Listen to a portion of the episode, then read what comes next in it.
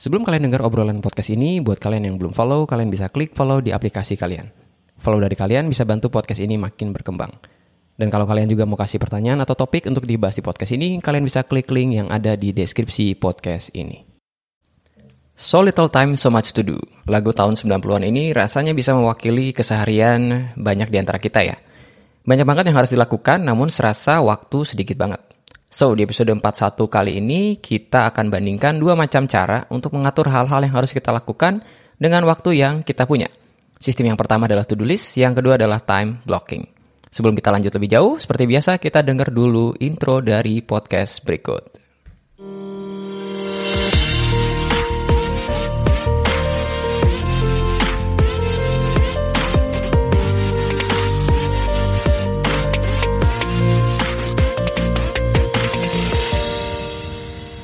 Halo semua, semoga semua dalam keadaan baik dan sehat. Dan kembali lagi di podcast Pak Kris episode 41 tentang time blocking kenapa sih lebih ampuh daripada to-do list. Sebelum gue masuk dalam inti pembicaraan kita hari ini, gue mau say thank you untuk kalian semua yang udah jadi pendengar setia. Gue banyak banget dapat ya feedback positif ya tentang podcast ini. Apalagi akhir-akhir ini ketika gue bahas tentang personal productivity. Nah, gue minta dukungan dari kalian. Ada dua cara buat kasih dukungan di podcast ini. Yang pertama adalah kasih rating di Spotify, di Google Podcast, atau di Apple Podcast ya. Uh, kalian bisa kasih rating mau bintang 4, bintang 5 kalau boleh. Lalu supaya uh, orang-orang lain mungkin bisa juga dapetin informasi menarik dari podcast ini ya. Informasi yang bisa kasih value, pengetahuan bisa kasih value, gue juga bisa kasih banyak pengalaman ya. Dan orang-orang bisa tahu ya tentang podcast ini lebih banyak lah. Jadi kalau kalian kasih rating, gue akan sangat-sangat berterima kasih karena so far kayaknya belum ada yang kasih rating di Spotify. So kalau kalian bisa klik ratingnya, gue akan sangat berterima kasih. Cara yang kedua adalah kalian support the show ini. Kalian bisa traktir gue juga. Itu ada linknya di deskripsi di Spotify. Dan sedikit pengumuman juga bahwa podcast ini sekarang udah ada di Noise ya. Uh, asistenku Mas Putut udah daftarin di Noise, tapi aku belum lihat lagi tentang Noise ini.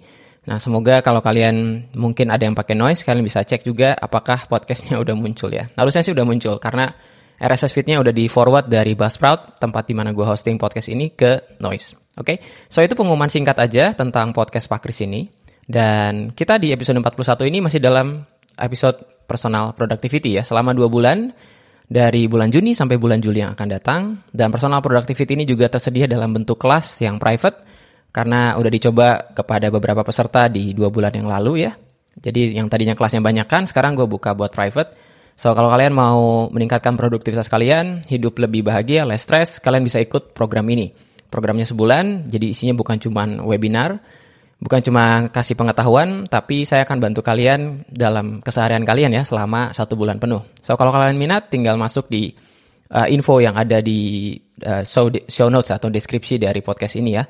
Kalian tinggal masuk ke situ, lalu kalian selesaikan pembayarannya, dan kita akan ngobrol. Kemudian setelah itu saya akan bantu kalian selama satu bulan. Karena produktivitas itu sifatnya personal, percuma kalau kita cuma sekedar dengar podcast ini doang, atau sekedar nonton YouTube, atau sekedar baca. Karena tiap-tiap orang punya kecenderungannya masing-masing ya. Dan gue yakin ada satu prinsip, atau dua, atau tiga prinsip kunci yang bisa bantu kita untuk personal productivity ini, tapi at the end of the day, setiap orang itu beda-beda. So, itu teman-teman yang bisa gue kasih tahu di pengumuman di podcast uh, awal ya di awal podcast untuk episode 41 ini. Oke, sekarang kita mau masuk di bahas pokok bahasan kita ya tentang ada dua macam model di mana kita ngatur hal-hal yang harus kita kerjakan dalam suatu waktu yang udah dikasih sama kita ya. Tuhan udah kasih waktu kita, udah kasih kita waktu. Kemudian itu adalah tanggung jawab kita untuk menggunakan waktu tersebut dengan baik. Tapi sesuai dengan tadi yang gue bilang di awal, ada dua macam model nih ya, di mana kita ngatur hal-hal yang mau kita kerjakan dalam satu waktu. Nah, kalian yang mana nih?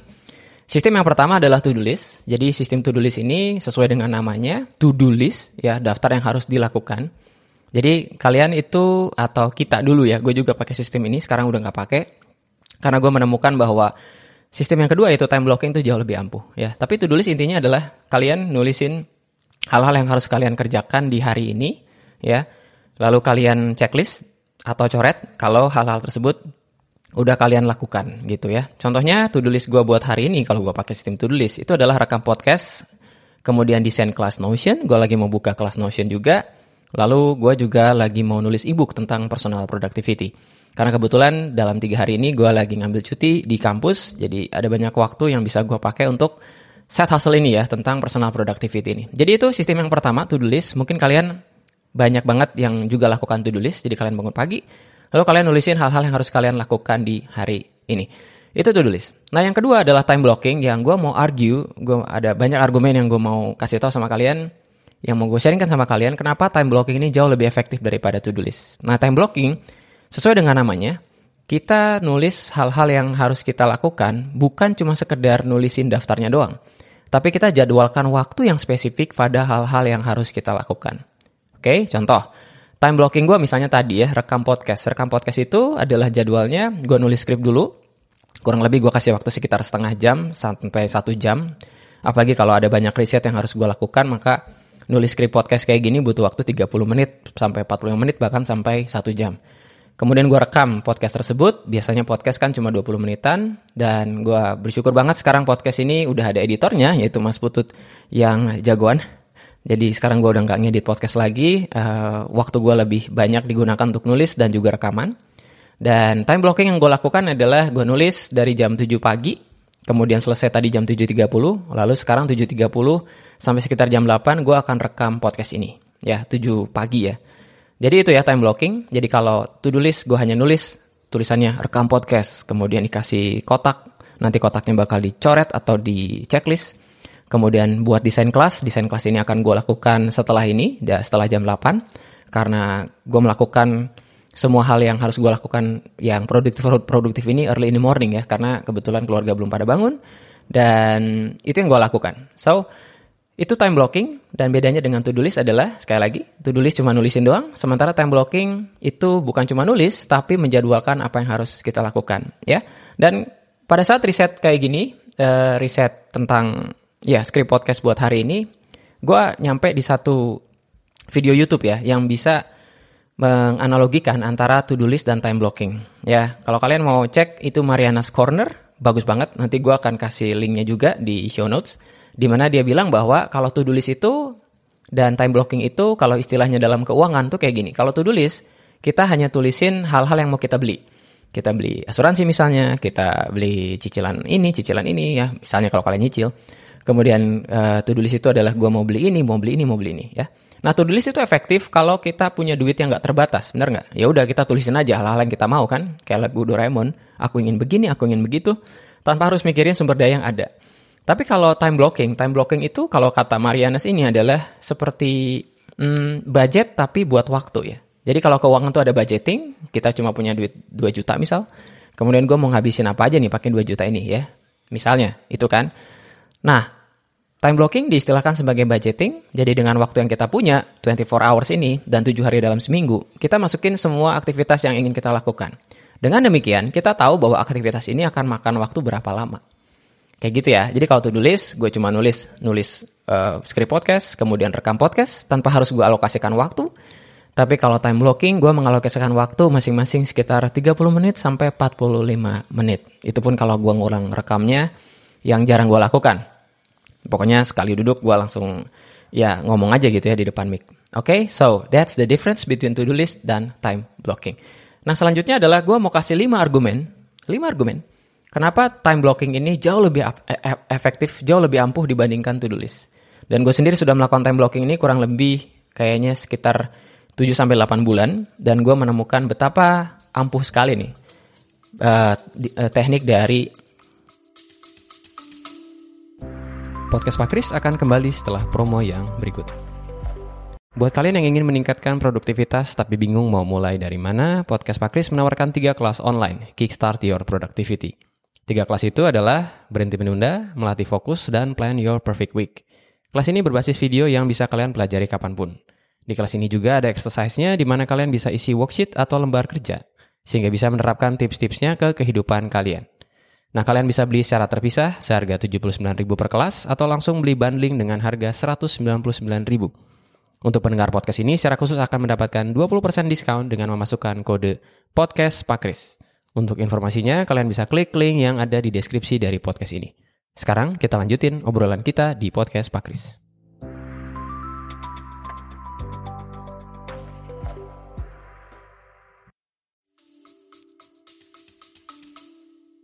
Time blocking ini. Oke, okay? so mari kita bandingkan dua cara yang dua, dua, dua cara ini ya antara to-do list dan time blocking. Yang pertama, to-do list. Kalau kalian gunakan to-do list, kalian perlu tahu riset ini. Riset membuktikan bahwa 41% to-do list itu tidak pernah dikerjakan. To-do list berubah namanya menjadi not to-do list. Gue harap itu nggak kejadian sama kalian ya, tapi itulah statistiknya. 41% to-do list itu nggak pernah dikerjakan. Uh, dan gak, gue nggak tahu alasannya kenapa, tapi dugaanku begini. Dugaanku adalah hal-hal yang kita tulis di to-do list itu, kita nggak taruh alokasi waktunya. Oleh karena itu, jadinya nggak ke checklist. Bisa saja karena terlalu sedikit, kita nunda-nunda, akhirnya nggak dikerjain. Bisa juga karena terlalu banyak, kemudian ya itu sama halnya dengan kita mau belanja barang yang kebanyakan, tapi duitnya nggak ada. Akhirnya nggak dikerjain. Kalau dalam keuangan yang nggak dibeli. Kalau dalam waktu, ya kerjaan tersebut atau aktivitas tersebut nggak dikerjain. Ya. Nah, jadi kalau to-do list itu cuma sekedar list, kita nggak taruh alokasi waktu. Sementara time blocking itu kita bisa ngatur berapa lama kita mau alokasikan waktu untuk hal-hal yang mau kita kerjakan. Oleh karena itu, saya misalnya punya ritual uh, melakukan time blocking ini di hari Sabtu untuk ngisi jadwal atau ngatur jadwal mulai dari hari Minggu sampai hari Sabtu selanjutnya. Dan gue jadi tahu uh, kira-kira gue padat di hari apa. Kemudian kalau misalnya terlalu banyak aktivitas di hari Senin misalnya kemarin, gue bisa pindahin ke hari Selasa, ke hari Rabu, dan sebagainya. Nah, oleh karena itu, completion rate gue atau aktivitas yang gue kasih checklist itu jauh meningkat dibandingkan hanya sekedar to-do list. Dan to-do list itu mostly itu sangat intimidatif, benar nggak? Kalian nulisin banyak banget yang harus kalian lakukan, lalu terintimidasi, tapi kalau terlalu sedikit juga akhirnya kita cenderung nunda-nunda. Oke, okay? so itu yang pertama tentang to-do list ini, bahwa kebanyakan itu tidak dilakukan. Yang kedua, kebanyakan di antara kita, gue juga dulu, itu nulis to-do listnya itu di hari yang sama ya. Jadi kalau kalian bangun pagi, kemudian kalian nulis to-do list di hari yang sama atau biasanya pagi hari, itu katanya itu bikin jadi decision fatigue. Apa itu decision fatigue? Decision fatigue itu adalah kelelahan dalam mengambil keputusan. Ya, nah gue mau jelasin seperti ini. Setiap kita ngambil keputusan dalam satu hari, semakin kita banyak mengambil keputusan, energi kita itu terkuras lebih banyak yang membuat pengambilan keputusan kita menjadi berkurang kualitasnya. Oke, gue kasih contoh konkret ya. Kalau kalian, mungkin kalian udah ngerasa juga ya. Kalau kalian bangun pagi, kemudian mikirin to-do list apa yang harus gue kerjakan di hari ini ya. Misalnya nih hari gue rekaman di hari Selasa, uh, yang akan uh, on air episodenya di hari Kamis pagi. Kalau kalian bangun pagi, kemudian kalian mikirin apa aja yang harus gue kerjain hari ini ya. Kalian tulisin, kemudian pada saat kalian mengambil keputusan, gue ngerjain apa ya, bertanya sama diri sendiri kemudian kalian ngabisin waktu dan energi untuk memikirkan apa yang harus dikerjakan, kalian sudah ngambil keputusan di situ. So that's decision fatigue means ya. Jadi pada saat pagi hari itu kalian itu bisa dibilang kalau kata gue rugi. Ruginya kenapa? Karena ya tingkat kognitif kita atau daya kognitif kita itu digunakan buat ngambil keputusan. Ngambil keputusannya pun cuma sekedar cuma cuma sekedar memutuskan apa yang harus dilakukan di hari tersebut, ya. Jadi itu yang menyebabkan kita jadi ngerasa capek, kita ngerasa pengambilan pengambilan keputusan kita juga makin buruk, semakin siang, semakin sore dan semakin malam. So, kalau kalian bisa mulai ubah kebiasaannya, jangan lakukan to-do list di pagi hari, but instead of gue kasih alternatifnya, coba lakukan time blocking. Dan time blockingnya bukan di pagi hari, tapi seminggu sebelumnya atau kalian tetapkan satu hari di mana kalian ngatur jadwal kalian selama satu minggu. Ya, kenapa satu minggu? Ya karena satu minggu itu adalah menurut gue ya itu satu timeline yang cukup untuk kita bisa melihat minggu ini uh, atau minggu depan minggu depannya kalau kalian lakukan di hari sehari sebelum minggu itu berjalan kalian bisa lihat kalian itu terlalu sibuk di hari apa kemudian kalian bisa ngatur kalian ngerjain uh, bisa ngatur ritme hidup lah ya kalau terlalu padat di hari Senin kalian pindahin ke hari Selasa atau ke hari Rabu sebagai contoh waktu gue untuk me mengatur kehidupan gue, jadwal gue setiap minggunya itu ada di hari Sabtu. Jadi hari Sabtu paling telat hari Minggu, gue melakukan aktivitas yang namanya housekeeping time. Housekeeping sama kayak di hotel, di mana kalau ada orang datang ke kamar kemudian dia ngerapihin semua eh, tempat tidur lah, ngerapihin meja dan sebagainya. Gue memperlakukan housekeeping itu seperti itu ya. Jadi gue ngatur apa yang harus gue lakukan mulai hari Minggu. Jadi hari cut off gue adalah hari Sabtu, dari hari Minggu, hari Senin, sampai ke hari Sabtu yang akan datang. Gue ngatur semua di situ. Dan tahukah kalian, Kemarin hari Sabtu, gue menghabiskan waktu sekitar 45 menit, 30 sampai 45 menit kurang lebih untuk ngatur apa aja yang harus gue lakukan. Jadi lelahnya gue itu di, di, di batch ya istilahnya ya, ditaruh dalam satu periode di hari Sabtu. Kalian kebayang ya? Jadi daripada gue ngelakuin di setiap harinya, pagi hari gue mikirin apa yang harus gue lakukan, gue sudah mengambil keputusan tersebut di hari Sabtu. Itu yang membuat gue menjadi nggak ada decision fatigue ketika pagi-pagi. Oke, okay? jadi kalau hari Sabtu itu gue udah tetapkan bahwa hari Selasa waktunya gue buat nulis skrip podcast dan rekam podcast. Ketika hari Selasa tiba, maka yang terjadi adalah gue nggak perlu mikir gitu loh. Gue nggak perlu mikir hari ini ngapain karena sudah terjadwal semuanya. Dan gue jadwalin time blockingnya dengan blok satu jam.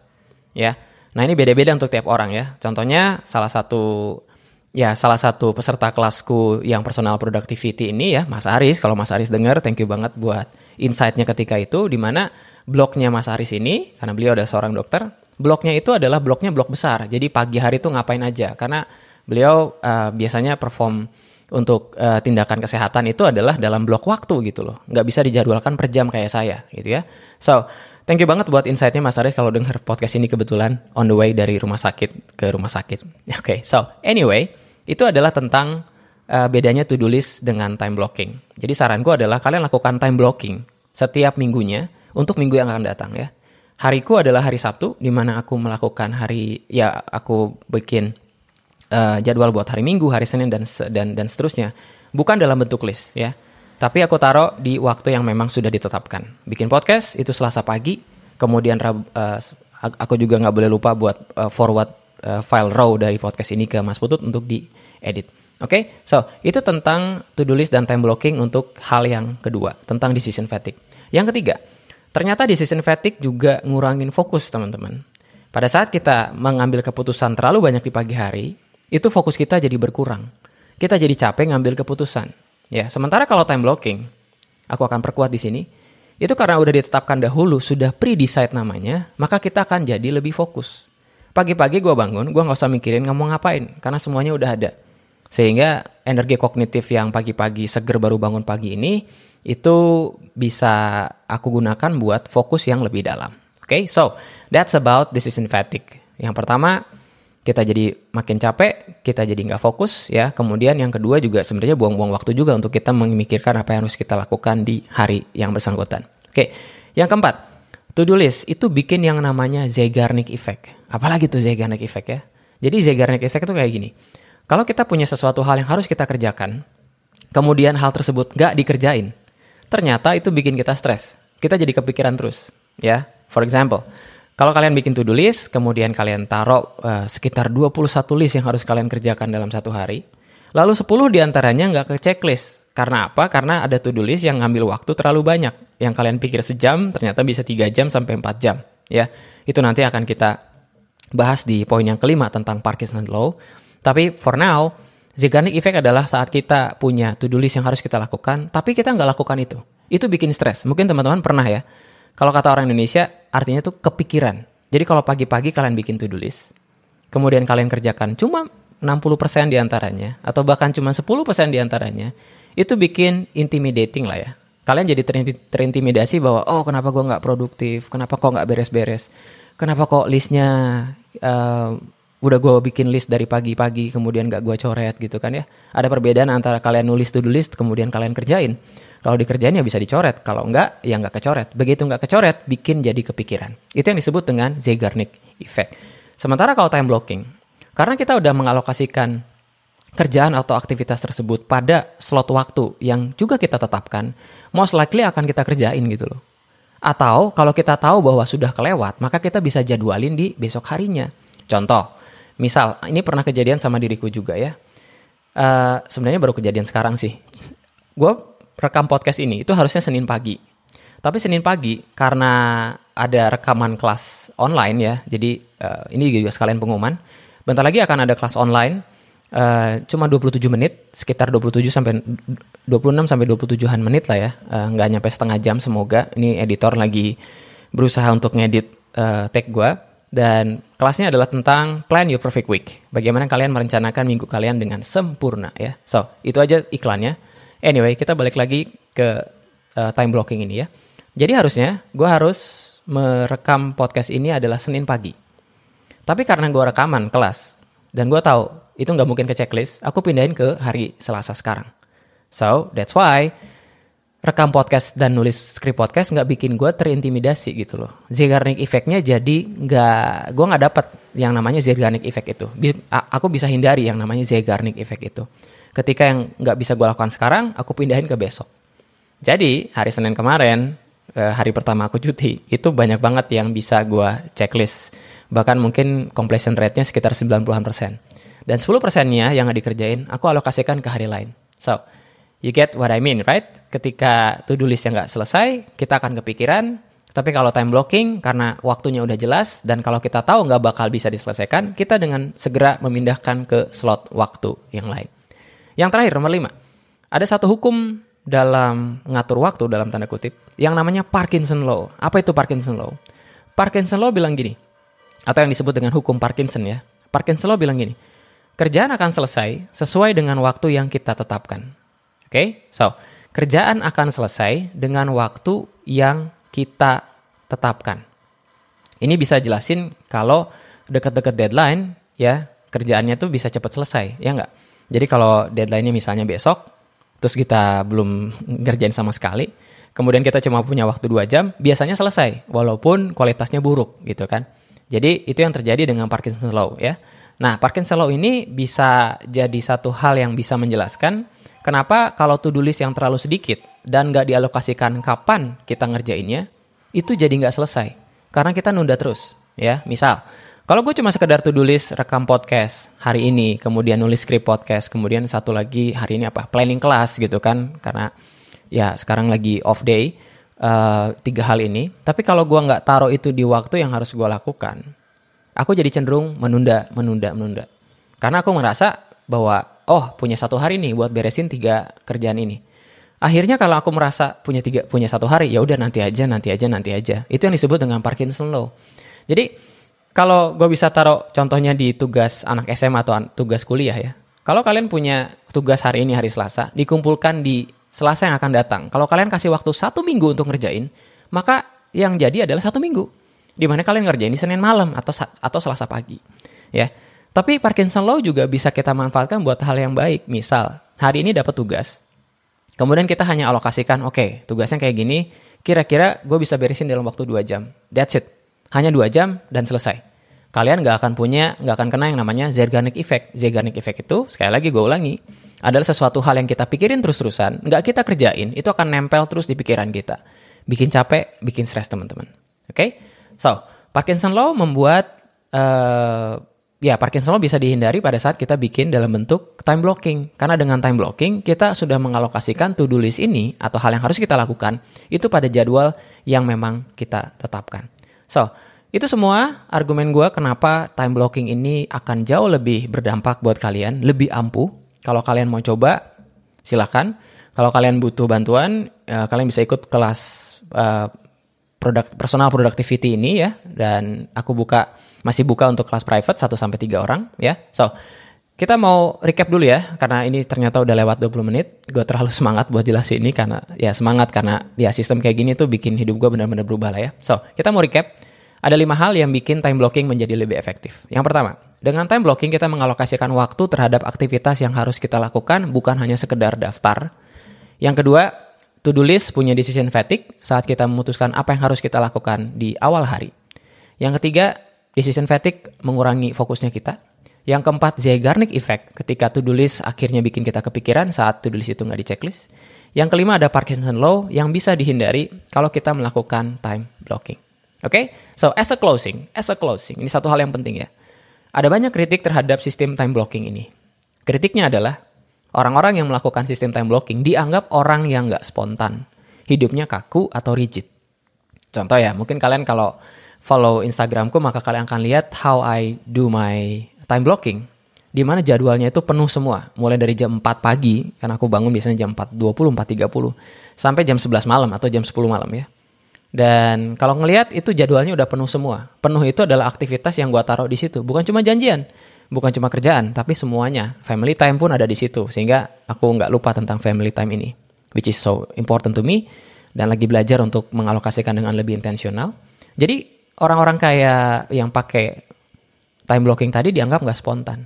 Aku sempat mikir kayak gitu ya. Aku sempat mikir bahwa iya sih gue nggak akan spontan dengan adanya seperti ini. Tapi Ada satu orang yang bilang bahwa aku lupa apakah di buku ataukah di YouTube. Dia bilang gini, satu quote yang sangat powerful dan kalian harus catat ini dan semoga bisa meyakinkan kalian untuk coba gunakan time blocking ini. Dia bilang gini bahwa justru karena hidup yang sudah terjadwal dan teratur, kita jadi punya waktu untuk hal-hal yang spontan. Justru karena waktunya udah diblok per jam, per setengah jam, atau bahkan per tiga jam, kita jadi punya waktu untuk hal-hal yang spontan. Contoh, ya biar kalian dapetin konkretnya ya. Kalau aku sudah melakukan time blockingku dengan baik, dan mostly selama beberapa bulan ini udah sangat baik banget menurutku, karena semua kerjaan almost done dan dengan kualitas yang cukup oke okay menurutku ya, dan aku masih belajar, I'm still work in progress Contohnya kalau aku udah time blocking dengan baik dari mulai jam 5 pagi sampai jam 4 sore, kemudian semuanya udah terselesaikan, maka begitu beres jam 4 sore, aku melakukan yang namanya complete shutdown, betul-betul nggak mikirin kerjaan, nggak mikirin konten dan sebagainya, dan akhirnya gue bisa spend time dengan keluarga, dan kalau keluarga tiba-tiba pengen keluar, ya istri ngajak keluar, kemudian anak pengen main juga, anak mungkin ngerasa bosan, aku bisa menaruh spontanitas itu di jadwalku. Ya nggak? Coba kalian pikir ya. Karena kita punya jadwal yang teratur, karena hidup kita penuh dengan ritme, terjadwal dengan baik, maka kita jadi punya waktu untuk hal-hal yang spontan. So, semoga episode 41 ini bikin kalian terinspirasi. Semoga ada banyak orang yang melakukan time blocking ini. Time blocking bukan tanpa bukan tanpa flows ya atau kekurangan. Kekurangannya biasanya adalah bikin kita uh, merasa kok banyak banget yang harus dilakukan. Tapi once kalian sudah bikin ini jadi habit, semoga bisa meningkatkan produktivitas kalian dengan sangat-sangat signifikan. Oke, okay? so take care semua, sehat-sehat semua. Sampai ketemu di episode 42 yang akan datang di bulan yang baru. Bye-bye. Kalau kalian dapat value atau manfaat dari podcast ini dan ingin say thank you, kalian bisa support podcast ini dengan mentraktir Pak Kris dengan klik link yang ada di deskripsi podcast ini. Terakhiran kalian akan sangat berarti untuk podcast ini tetap running dan bantu orang-orang untuk stay productive. I'll see you guys later dan stay productive.